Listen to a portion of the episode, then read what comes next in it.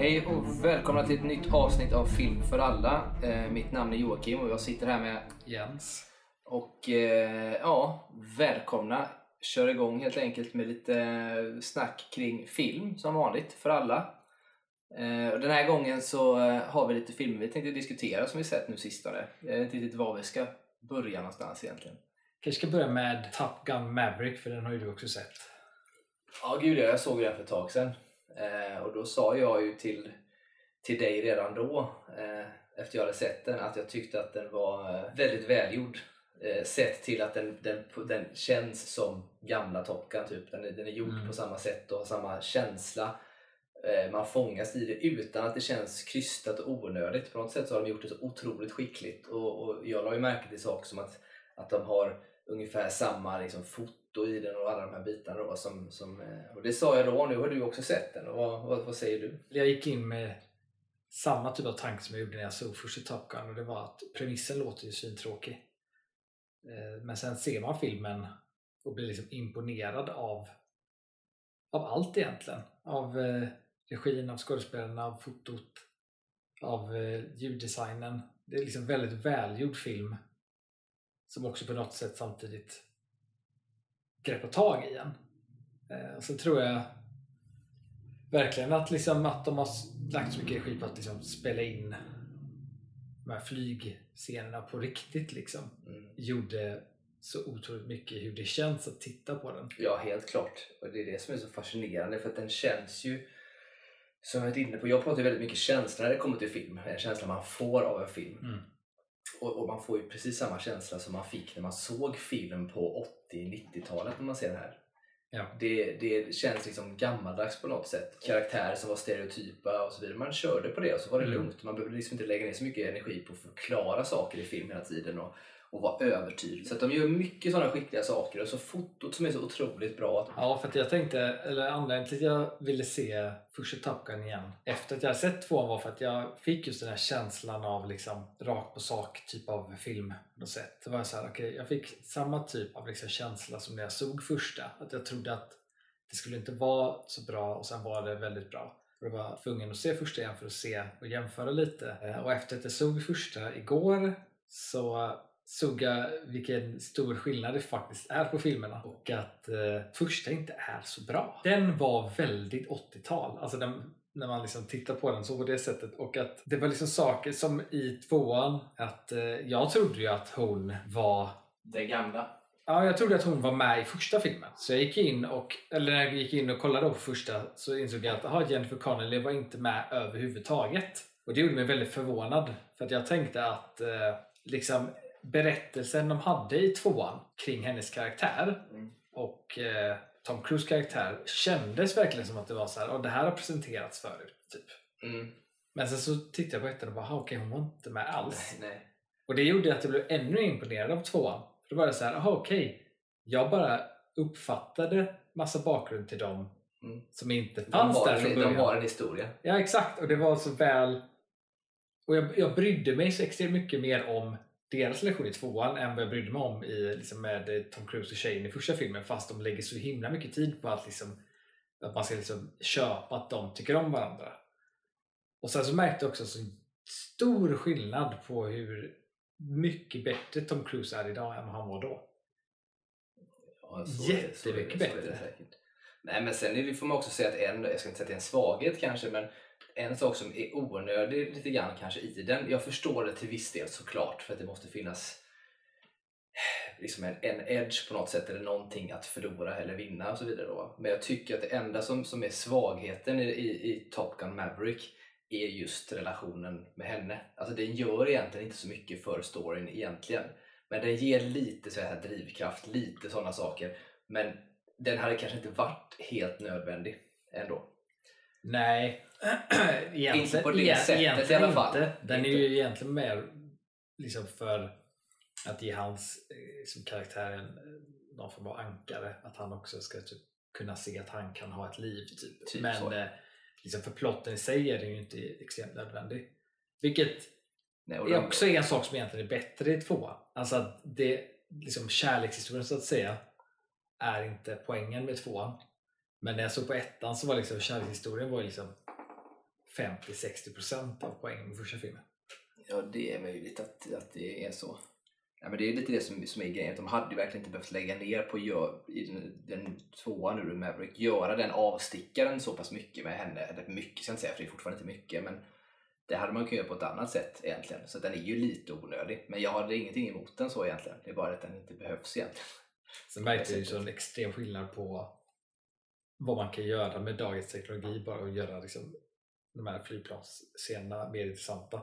För att alltså, när jag tittar tillbaka på första Top Gun nu, det var alltså supertråkigt att titta på när de flög. Alltså Ja, risken är ju supertråkigt det. verkligen. Kommer du ihåg nu, det här är off-podd, kommer du ihåg vad jag sa till dig när du skulle se om den första häromdagen? Jag kommer inte ihåg vad du sa. Nej men just det här med typ att, för att man, jag, jag pratar ju om att man har ju känslan av Top Gun Ja. i, det, i den andra man ser. Det är som lite nostalgi, lite så att den känns ändå bra som en värdig uppföljare till Top Gun. Eh, och så tänker man så, jag tycker fan det är skönt och så Top Gun gillar man ju lite grann och sådär också sen förr och så vidare. Men att se om Top Gun 1 efter man sett tvåan och, och tänka sig att man ska jämföra för att se, för då kommer man se att det inte är samma. Mm. Och då kommer man se att den förmodligen inte är lika bra och de här bitarna. Så att det är ju mer det att man får ju se på tvåan och känna att men fan, den, den var bra precis som jag tänkte, som jag upplevde första gången jag såg första. Eller att man tänker på det sättet, att Ja, få den är det. känslan med. För att se om den igen, då kommer man ju nästan bara bli besviken. Då får man verkligen titta på och gå in i liksom analys på ett helt annat sätt och vara objektiv. Typ. Men så är det absolut. Alltså, tvåan gav mig samma typ av liksom, känsla som första gav mig när jag såg den första gången. Men eh, det, ja, det var väldigt intressant att titta på den igen och bara liksom se, se hur stor skillnad det faktiskt var. Fast att man fick samma känsla. Ja. Man såg den första gången Ja. liksom, men ändå så var det så stor skillnad. Ja, ja men Eh, så, så kan det, Det vara. var väldigt... Det var liksom, man blev, eller jag blev mer analytisk när jag tittade på den nu sist. Liksom, Ja, man blir ju det. Och det. Men det som jag vill säga med det är också att risken när man just gör så att man ser om den första till exempel eller på någonting oavsett vad det är eller något liknande så på det sättet då risken är ju att du nästan förstör upplevelserna på båda på något sätt men framförallt kanske den första. Eh, nu är ju inte jag det, nu har jag pratat så mycket om Blade Runner överhuvudtaget i den här, det nästan varenda gång vi pratar. Men om man jämför den Blade Runner som kom nu 2049 för några år sedan med den som kom 82 eh, så, där, så, så kan man ändå där kan man ändå gå tillbaka och titta på Blade Runner 82 tycker jag den är skitbra såklart. Utan problem.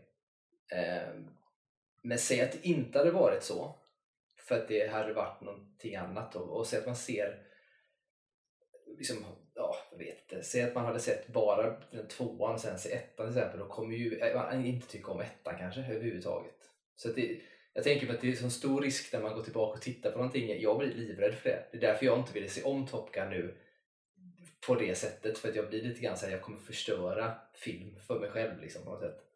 Ja, alltså jag fattar ju att, att det kan vara så. Jag har väldigt enkelt för att alltså bortkoppla liksom min första reaktion mot en film mot att titta på, titta på den igen. För att jag tittar på den på olika sätt. Liksom, upplevelsen jag hade av den första gången är fortfarande den upplevelsen jag hade första gången. Nu var det mer så analytiskt koll på den.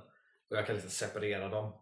Jag tycker inte att, liksom, att, att titta på Top Gun, ett för mig att se eh, saker jag tycker är dåligt med den förstörde inte känslan jag fick första gången jag såg den. Liksom. Nej, Jag kan jag, förstår det är bra om man kan göra det. Jag tänker, ska jag, går jag in och ska titta på en film, det gör man ju automatiskt, både du och jag och flera som lyssnar på det här gör säkert också det, men man tittar ju på film och undermedvetet gör ju, jag vet att vi gör det jättemycket, eh, analyserar samtidigt som man tittar. Ja, Man försöker ju njuta av en film så mycket det bara går egentligen och bara få vara i det och det är därför det är så skönt ibland när man verkligen bara fångar sig i en film och verkligen inte tänker så mycket. Det är få gånger men det händer ju. Men, men man fastnar alltid i någonting. Det kan vara fotot eller musiken eller det kan vara Eh, en viss scen som de gör som man börjar fundera över och allt sånt där. Eh, och, och det, faran eh, med att gå in och analysera är just att man lite grann förstör för sig själv när man gör det för att man tänker man, man får det inte som en upplevelse, det blir mer den biten. Och går jag in för att titta på någonting och ska analysera det nu har ju inte vi gjort det i vår podd på riktigt det sättet men vi kan ju verkligen gå in och såga filmer totalt eh, Mm. om man skulle göra det. Nu hade vi ju tänkt att vi skulle prata om filmen The Postman lite grann som Mm. du såg om här sistens. Eh, men vi bestämde oss för att inte göra det.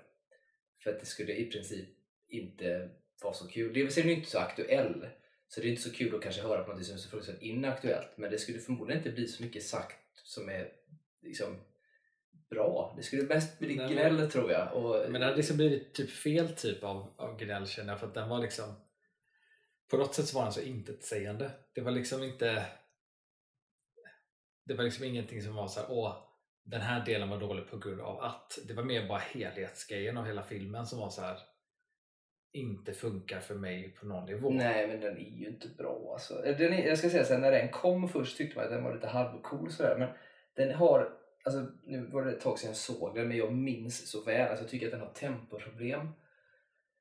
Jag tycker att det är mediokert skådespelare i princip rakt igenom. Ja. Eh, och det är eh, en, en, en story som känns, ja jag vet inte.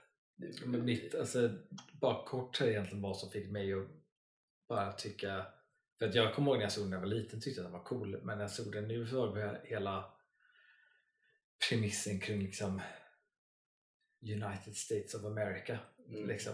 det, det var så det, det verkligen passar inte in i tiden alltså, och jag, jag blev så här, jag undrar om det ens passar in då i tiden jag vet inte, Nej, kanske, det har kanske inte åldrats så väl kanske på det sättet. Nej, jag vet inte heller hur det faktiskt var på det. För det var ju ingenting när man såg den första gången för många, många, många, många år sedan. Eh, så var ju det kanske inte det man tänkte på. Att det var som United States, eh, den nationalistiska, patriotiska biten i det. På det sättet. Så att vi valde att inte prata om den i alla fall. Men hur som helst kan vi ju såga film om man verkligen vill. Och det kan ju vara nog så roligt att göra det när man tittar på vissa saker. Men det är mer intressant att prata nyanserat kring film. Alltså Mm. vad är bra och vad, vad är inte bra i saker och ting.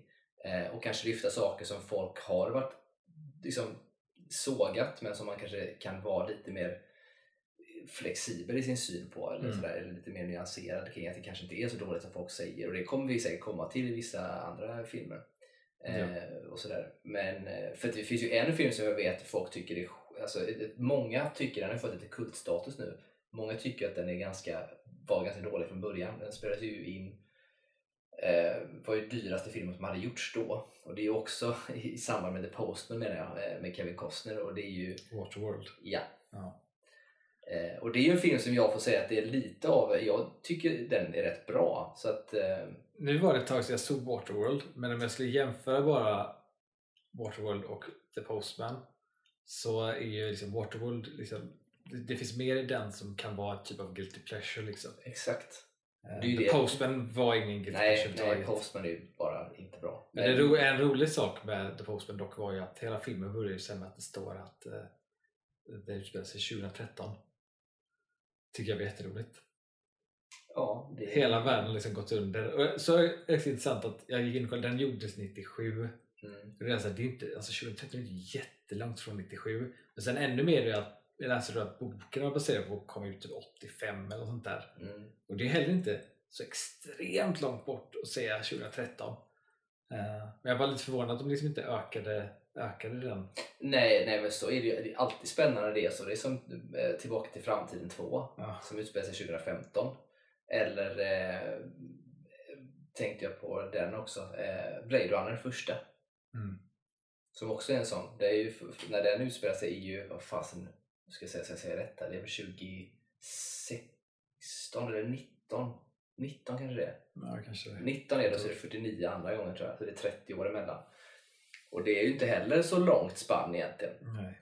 Och ska man vara rent kass så är det ju faktiskt mer troligt att världen hade sett ut som The Postman 2013 än Blade Ja, Runner verkligen. 2019 Ja, om man ska vara så. För där är det ju helt eh, bananas. Men hur som helst så är det, och där är ju faktiskt en, en, också en bra uppföljare, Blade Runner som vi pratade om. Men Eh, eh, en sak med Maverick också var, som jag tänkte på efter jag såg ettan där, var ju liksom hur Miles Teller i tvåan, Mm. hans karaktär eh, Rooster där som är son till Goose. mm. Jag vet inte, jag kan liksom inte ens sätta fingret på vad det är han gör, men han, han gör det så himla trovärdigt att det är bra hans son. Jag gillar Miles Teller. Alltså han, han, det- det- grejen är att de är inte speciellt lika Fast de egentligen. är lite lika. Men de Anthony känns Edwards som lika. spelar Goose. Ja, men när du spelar Goose, de är lite lika på något jäkla vänster. Och det, det, är, ju, det är fult att säga att det kanske bara beror på mustaschen. Men, eh, men jag satt har- också och tänkte på det, men jag tror alltså det är Mm. någonting Miles Teller gör. Alltså Ja, han men gör det är någonting, nog- han har fångat något. Ja, jag tror det. Och Sen är det ju också, ska man ju tillägga att det är välkastat. Det är bra gjort av castingfolket att få dit Miles Teller för han är jäkligt bra. Eh, och, och är verkligen en sån här skådis på frammarsch kan man säga. Han har ju ändå gjort en del riktigt bra roller. Mm. Eh, som inte är så här jättekända för allmänheten än. Mm. Eh, och han har ju ännu inte fått sitt, så här, sitt riktigt stora genomslag. Han borde vara större. Eh, precis, för han är oerhört skicklig. Så jäkla bra. Jag gillar honom som fasen.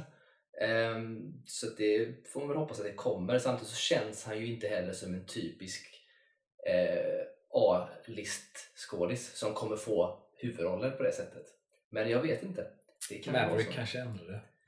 kan ju vara så. Men han känns ju inte som en klassisk sån som en eh, Dwayne Johnson eller en Chris Hemsworth eller en eh, Ryan Gosling på det sättet. Men han har ju en range som är Ja. helt sjukt bra. Så det är ju bara frågan. Sen har han ju spelat huvudrollen i, fast då är det ju mer drama och så, tänker Mm. jag. Eh, men just få en sån här lead-roll i en sån här typisk typ actionfilm eller spionrulle eller någonting där. Sånt där.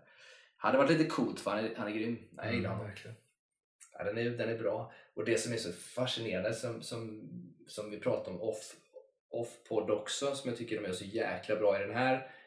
Eh, första vet jag inte, jag vågar inte säga så mycket för det var så länge sedan jag såg den. Eh, men, men, men som de gör den här, det är ju hur jävla väl de gör och hur svårt det måste ha varit när man gör de här flygscenerna.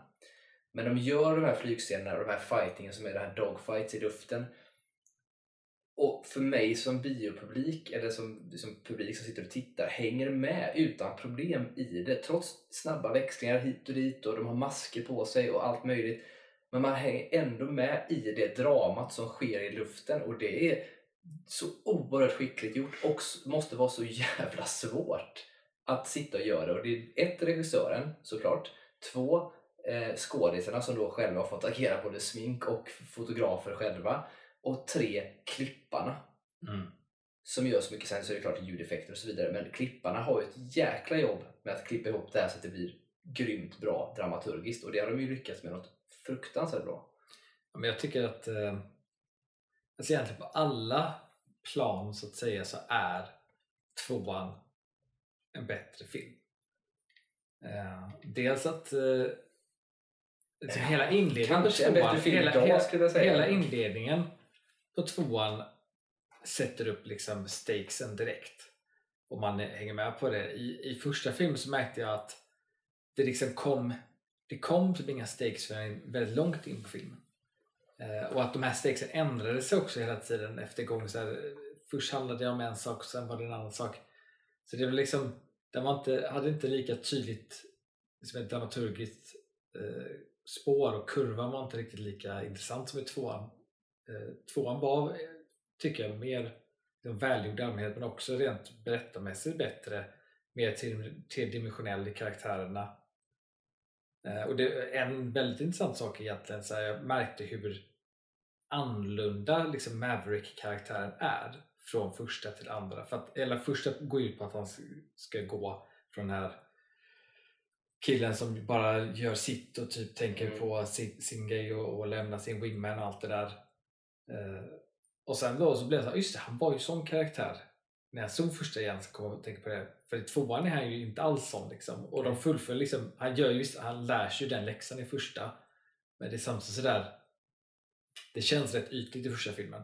Men i andra filmer så känns det verkligen som att att man, man köper den utvecklingen i första på något sätt för att jag såg tvåan. Annars hade jag liksom tyckt att det var lite kanske lite lamt. Men sen så var det också, alltså första filmen, det är svårt att undgå som är så många skämt av den här underliggande homosexuella spänningen i filmen. Homoerotiken Ja, som finns. det är så... För det, det är ju inte med överhuvudtaget i andra filmer Nej, någonstans. nej. Men i första filmen är den överallt. Mm. Och jag kunde liksom inte sluta för att det har gjorts så mycket skämt om det genom åren. Sen har gjorts liksom. Och speciellt i sista scenen med eh, Iceman och Maverick. Mm. När de säger hela tiden You can be my wingman. Alltså hela den grejen var bara så här, ja.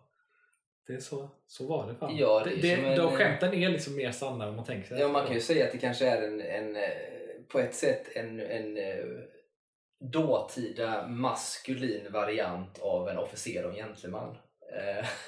Så istället Ja. ja. You can be my wingman anytime grejen är som när Richard Gere plockar upp henne på fabriken och ser Gentleman och går därifrån. Och de är väl lyckliga sedan. Jag gillar ändå också det med första Top Gun att det ändå var liksom det fanns där.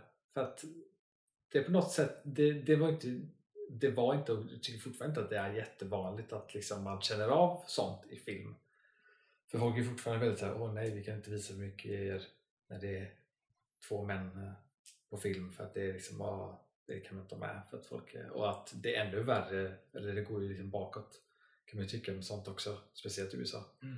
Men eh, på något sätt så känns det så här, ja, ja men det är nog bra att de kunde liksom få göra den storyn de ville göra. Att det var det det var. Liksom. Ska jag också tillägga att det finns ju ingen officiell Nej, verkligen Det inte. finns ju ingen officiell eh, ska säga, presentation av detta som att det handlar om homosexualitet eller någonting i den. Men som, som Jens säger så har det ju skämtats otal gånger om den andan som finns i filmen. Så att, eh, ja, ni, ni får det- se om den själva och se vad ni Ja, själva tycker. det var ju så, för vi pratade om det också off-podd, det här med hur det, eh, Med volleybollscenen. Ja, volleybollscenen där i tvåan, hur det liksom, man hade liksom typ samma liksom, känsla av så här, eh, att det kändes Top Gunigt. För Mm. den är ju väldigt känd den volleybollscenen från den första filmen. Mm. Men där var det också så när jag såg den igen då att jag såg vilken, oj, vilken skillnad det faktiskt var på de här scenerna. Mm. Och att, eh, att i tvåan så har ju faktiskt volleyboll, eller då är det ju Amerikansk fotboll. amerikansk typ. fotboll. Ja, Den scenen har ju ändå en poäng. En väldigt liksom tydlig handlar om att de ska liksom bli ett lag. Ja. Eh, men den här första, jag såg den igen där, alltså den, den har ingen poäng den scenen. Nej, Överhuvudtaget, det nej. är bara för att visa män utan tröjor. Ja, precis. Ja, så är det. Nej, där, och där får man ju säga, för det är lite det som jag varit orolig för när man såg tvåan, just hur för så här är det, även om inte jag sett Top Gun första på ett tag nu så vet jag fortfarande att vissa saker i den är det som man skulle kalla idag för lite cringeiga.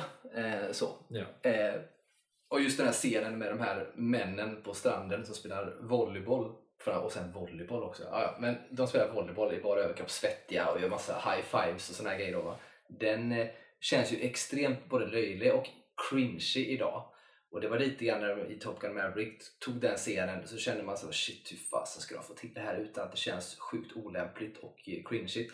Men de gör ju det bra. Det känns inte så, så jobbigt. Det enda som jag tycker är lite cringeigt i just scenen i Maverick eh, när de kör den här pick-up-fotbollen det är ju ehm, ett, att då den här åldermannen Tom Cruise eh, måste vara med och ha av sig sin tröja. Man ser ju där att han är lite äldre. Ja. Eh, trots att han är fit för sin ålder. Ja. Eh, absolut. Eh, och sen nummer två, som jag tycker är, så, det är lite roligt också, det är ju att han har ju, han har ju då i filmen då, för det är ingen tillfällighet, han har ju då valt att spela pick-up fotboll eh, just där hans intresse, kärleksintresse eh, håller till. Så att hon sneglar ju bort där på honom när han Ja. har överkropp och sådär. Och den, det är ju lite cringeigt.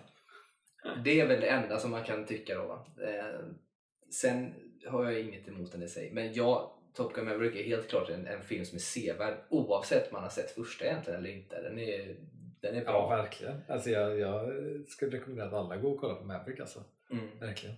Ja, och den får man också säga att man har ju hela tiden en, eh, det som är så intressant med stakesen just när vad det ska hända för de får ju ett skarpt uppdrag som de ska genomföra och de övar inför det och så vidare. Då.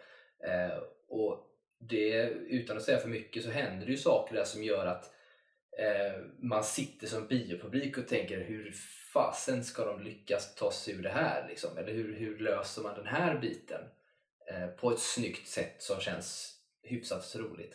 Men det, det gör de Mm. trots, trots allt. Jag, jag fattar inte riktigt hur de lyckades få till det så att man faktiskt köper det som händer, men det gör man. Mm. Det, det är häftigt, så den är oerhört, oerhört bra på Mm. alla sätt faktiskt. Ja, det var Top Gun Maverick det. Eh, vet inte om jag har så mycket mer att säga om den. Helt klart sevärd, se den. Ja. Eh, så att ja, Tom Cruise springer i den som han alltid gör. Ja, han. Eh, en, en annan film jag sett som vi egentligen inte behöver prata om, jag vill bara säga kort om eh, att jag blev liksom typ nästan chockad över och känns det som att jag måste ha missat någonting i den filmen. Och det var den här, eh, heter den här eh, League of Super Pets som Mm. handlar om eh, Supermans hund Crypto. Mm. Och liksom han ska lära sig att bli Animerad. ja, animerad. Och den var ju alltså väldigt så här basic, liksom, riktad mot barn. Så att jag förväntar mig inte på något sätt att det ska vara någon jättestor upplevelse att titta på den. Det är mest för skojs skull. Liksom. Men en sak som jag... För jag, tycker, jag älskar animerad film och ofta är det ju så många animerade filmer som är så himla bra. Även om de ytligt kan verka liksom väldigt liksom barninriktade så kan det ändå finnas väldigt mycket liksom, djup i det. Men den här var det här var en sån här plottgrej som jag blev bara så här, hur har det gått igenom och hur har de ens tänkt överhuvudtaget? Eller har de bara tänkt på att, typ, att barn är för dumma för att frågasätta? Men det är, för jättetidigt i filmen så presenterar de in att då om och det här gäller då också Superman men det gäller då Krypto för båda är från Krypton så att det här är Mm. någonting som gäller de som har de typer av superkrafter. De, de säger att Krypto har en liksom, ett, ett move eh, som är så här där han kan använda mot en, en fiende som han skulle möta som är liksom omöjlig att typ slå så finns det en move han kan göra. Jag kommer inte ihåg vad de kallar det men det är att han skulle då flyga in i solen och så ladda upp sig Mm. och så flyger han ner och så smäller han av all den energin men det skulle också göra att, att eh, den som gör det också dör. Så då skulle också Krypto dö i så Mm. fall och det är därför Superman aldrig gjort det för då skulle Superman dö. Mm. Men när de sa det så var jag så här, hur vet någon om det? Hur vet någon om, för det liksom är ett fan av Krypto som säger hela grejen. Då blir jag så här, hur vet någon om att den här moven finns om ingen någonsin har gjort den? Och hur vet de att man dör om ingen någonsin har gjort den? Och sen så är det ju så obvious då att det här ska ju då leda till att någon ska göra det i slutet. Men jag blev bara såhär, när jag såg det så var jag bara, det här är så dumt. Det är typ det jag har att säga om den här filmen. Ja, ja, nej, ja, jag kan förstå. Jag brukar ju inte titta på, alltså det händer ju att jag ser när jag hör animera, jag är dålig på att titta på det. När jag har haft eh, flickvänner förr som tyckte om animerad film och då pratar vi framförallt kanske Disney och de bitarna men då har man ju tittat på det eller man har varit barnvakt någon gång och så vidare så har man kanske tittat på sådana filmer men jag är ganska dålig på att ta mig för att titta på, på sånt eh, själv så jag gör ju inte det. Det är typ som Lego-filmerna till exempel som, som många säger är skitbra och jag har ju sett klipp från dem som är jävligt roliga. De är jättebra, speciellt första. Ja, som, som, som är, de ska ju tydligen vara svinbra. Och jag, men jag har ju inte sett dem för att jag tar inte för mig att göra det helt enkelt.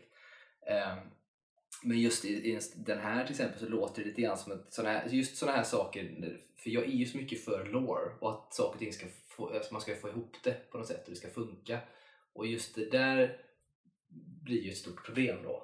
Så att nej, den... Eh, men är den sevärd då? Om man ska se folk som, som, som lyssnar där ute och känner, skulle man, är den värd att se? Nej, det skulle jag nog inte säga att den är faktiskt. Alltså inte ens, jag skulle inte ens rekommendera den till mitt yngre jag. Liksom. Eh, Men ja, det är synd. Men, Ja. det, är, Men det, är säkert små, småbarn skulle säkert tycka att den är jätterolig ändå. Ja, det tror jag. Nu ska man inte... Jo, Så har du man- barn, jo, man titta kan, på den. Ja, man, jo, man kan dumförklara småbarn. Det kan man göra för man är dum när man är liten. Så Ja. Det kan man göra. Men där kan vi väl sätta dem framför en skärm med tecknade figurer som rör på sig och hoppar så är det nästan roligt oavsett. Ehm, men om du skulle sätta, det kan vara lite roligt att bara göra en liten liksom, recension. 1 till, 1 till 5. Nu har vi inte något bestämt så här, typ som. Göteborgs-Posten har sina fyrar och vissa har lite så här, men vi säger 1 till 5. Vad skulle du sätta den för betyg på den? Typ 0,5, alltså en halv typ. Ja, det är inte bra ska jag säga. Nej, överhuvudtaget. Och det skulle ni också veta att jag, jag, Jens som, som är här, han brukar vara generellt sett, jag kan inte säga snäll, men han brukar ändå se ganska mycket i film som, eh, där jag kan vara hårdare ibland till exempel för att jag är mer känslosam kanske. Eh, så att ett 0,5 från dig, det är fan tungt. Det är riktigt ja, dåligt. Det, det är det Eh, som är, då är det Då är det jag, nej, men, nej, för jag sätter ju liksom också, jag sätter sådana här betyg utifrån liksom vad som är tanken med filmen. Och nu Mm. utgår jag också från att den är liksom, tanken är att det ska vara för barn. Och Mm. jag tycker det, det Ja, finns så mycket bättre som är Ja, för och då barn. kanske man kan säga att- att om en 0,5 poäng på den här då är ungefär så gammal ett barn kan vara som ska se den. Mm. Så ett halvår gammalt är Ja, väl den typ. rekommenderad för ungefär då kan vi säga. Eh, bra, och då kan vi bara snabbt ta Maverick då. Där sätter jag ju en fyra. Eh, ja, jag sätter uh, någonstans mellan 3,5 och 4. Någonstans mellan. Ja, någonstans mellan. Jag, kan inte sätta, jag, kan inte sätta, jag kan inte sätta en 4, jag kan inte sätta 3,5 men någonstans Det beror lite på så här, Du kanske. får, kan ju inte sätta en massa halvor och sånt hela tiden. Du får måste välja någonting. Jag satte en fyra för att jag ändå är, se- ser till att den är värdig uppföljare. Det är svårt att göra det på det sättet. Sen är, är den fyran inte lika mycket värd som en annan fyra. Så kan man också tänka. Men Mm. det tycker jag är klart det är en fyra. Jag var så snällare. Det var bra. Mm. Eh, bra. Vi har egentligen det är en film till som jag skulle vilja prata om innan vi liksom rundar av. Det kanske finns det mycket att säga om den i och för sig. Men vi har pratat en stund nu. Men en film till vill vi prata om. Och det är ju Jordan Peels senaste. Nope. Mm. Eh, det är ju den tredje som han har släppt nu eh, av de här som gjordes då. Den första han gör är ju Get Out Mm. och sen så kommer ju Us. Eh, Get Out har jag ju sett, Us har jag inte sett än. Och så den här Nope då. Mm. Eh, och då kan vi ju bara börja med att prata Jordan Peele tycker jag är fantastisk överhuvudtaget. Sen är det ju då en av mina favoritfilmfotografer, Hoyte van Hoytema, som gör, har fotot i den. Så det är ju magiskt bra, eh, tycker jag generellt sett. Men vad tyckte du när du såg den? Jag eh, tyckte att den liksom hade en bra, ska man säga, den hade en filmisk känsla och på något sätt en, en liksom äldre filmisk känsla på något sätt. Det märks att liksom Jordan Peele är en filmälskare och älskar liksom mediumet och är väldigt kunnig i att berätta film Mm. eh, och berätta berättelser. Eh, Får liksom samma typ av känsla av hans filmer när jag tittar på dem som jag får om jag tittar på typ en Quentin Tarantino-film eller om jag tittar på Spielberg-film och så vidare, att det är den här älskandet av mediumet film liksom. Och att, eh, att det finns en, en eller det finns en, y, en typ yta i Nope som är jag kan tro många som kanske inte tänker så mycket på vad de ser skulle tycka att det är en väldigt bra film liksom, utifrån bara det. Men sen är det liksom ett djup i filmen som säger så mycket mer. Mm. Eh, vilket jag tycker han är väldigt bra på. Och det, är Mm. liksom det, det var det jag reagerade på mest. Liksom. Mm. Ja, men han är oerhört duktig får man säga. Och det, det som jag tänkte på när jag såg den var ju intressant. eh, För det han gör, att älska, äh, älska film, det tycker jag också man märker väldigt tydligt på honom. Och just den här känslan som du sa. Framför allt skulle jag vilja säga att det finns en väldigt Spielberg-känsla i hans filmer. Mm. Eh, Jag förstår Quentin Tarantino-biten också. Men just den här, lite den här eh, som man inte riktigt kan sätta fingrarna på, typen av magi och nästan Mm. lite barnsligheten när man gör film. Så det känns som att det är så mycket glädje och passion bakom Ja. Det syns ju väldigt, väldigt tydligt och finns ju verkligen med och han, han gillar ju det där. Samtidigt som han också med de här tre filmerna, som jag inte sett den ena då, men de här tre filmerna som han har gjort är det ju på något sätt en det är ju nytolkningar som vi har varit inne på innan, off-podd, nytolkningar av olika genrer inom framförallt skräck och thrillergenren då. Mm. Eh, men där man inte gör det som varit självklart länge, utan det är någonting nytt i det.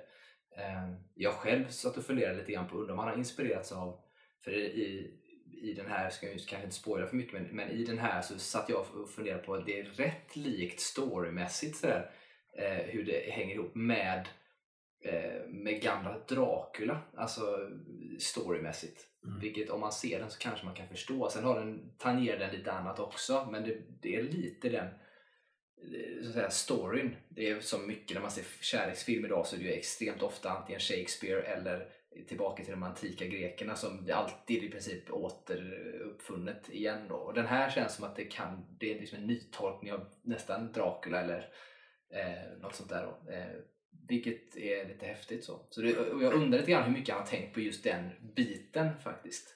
Ja, men det är någonting med, äh, speciellt Nope, men även hans andra filmer, att det liksom är det är på något sätt det är en väldigt klassisk berättelse. Alltså det är ju inte en, en ny berättelse på det sättet överhuvudtaget. Det är ju som alla berättelser har ju berättats. Det är ju hur du berättar dem. Liksom. Mm. Eh, men han, han har någonting som får det att kännas liksom väldigt Jordan Peele.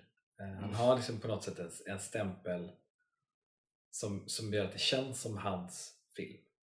Eh, och det tycker jag ofta är så här, det är typ de bästa regissörerna egentligen som har som ger en känsla eh, på något sätt. Även om man kanske inte tycker om eh, vissa filmer eller inte, eller vissa regissörer eller inte, så är de, de bästa regissörerna på något sätt har, har den det sättet, eller de har det i sig på något sätt.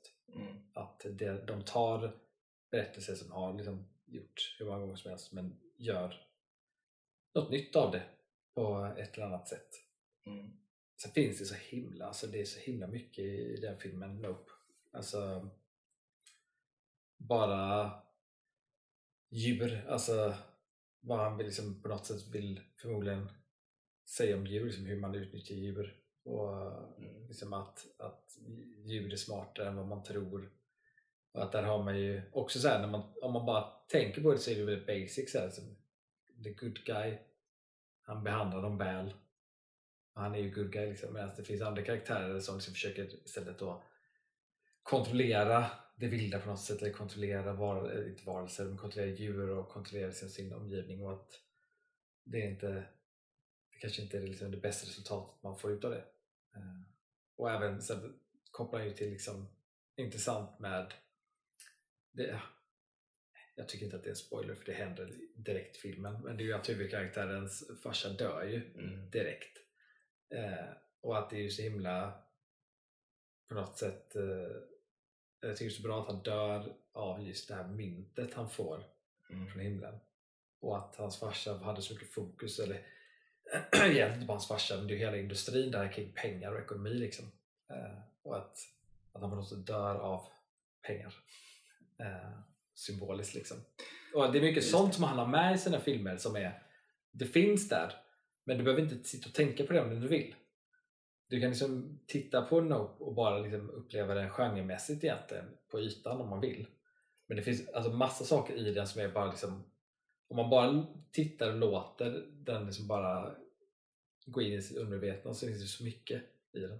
Ja, det är jag helt övertygad om. Eh, så, för det vet man ju eftersom jag bara har sett Get Out också. Då, så är det ju ändå, det finns ju mycket samhällskritik i Jordan Peele. Mm. Helt klart. Det är ju inget snack om det.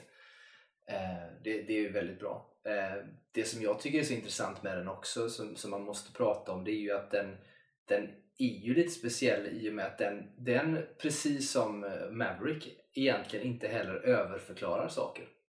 Nej. Det, det är snarare tvärtom. Det är vissa saker som man undrar för huvudkaraktären kommer ganska snabbt underfund med vad man ska göra och inte göra för att möta det här hotet. Och, som är, och hur han kommer fram till det är egentligen så lite halvt otroligt. Alltså, hur man lyckas hamna i att han är så säker på vissa bitar. Men det spelar, det spelar liksom ingen roll, man köper det ändå. Man behöver inte ha någon förklaring på varför det är så.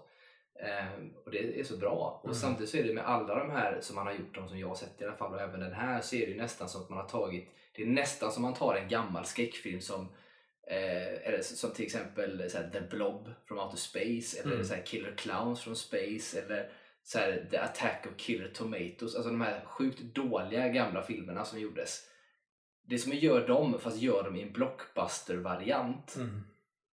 sjukt snyggt och bättre typ. Alltså, det, det, det är så fascinerande att lyckas gifta de här två bitarna med varandra och så gör han dessutom karaktärerna så fruktansvärt bra. Det är ju delvis skådespelarna han använder sig av också men det var som jag pratade off-podd med dig om att det som är så fascinerande när man tittar på dem är att det känns inte som att det är spelat nödvändigtvis utan det är som att det är vanliga människor som är med i filmerna. De reagerar på ett sätt och är på ett sätt som, som skulle kunna vara som du och jag skulle reagera. Eh, bara som ett kort exempel så är det ty typ sådana saker som att eh, när man ser någonting som är, är, är läskigt eller som man inte kan förklara så är det många som är såhär Åh, rädda eller så springer de därifrån vet, och så ska de öppna upp någonting och tappa sina nycklar och, och hålla på med all den där biten och ta massa konstiga beslut.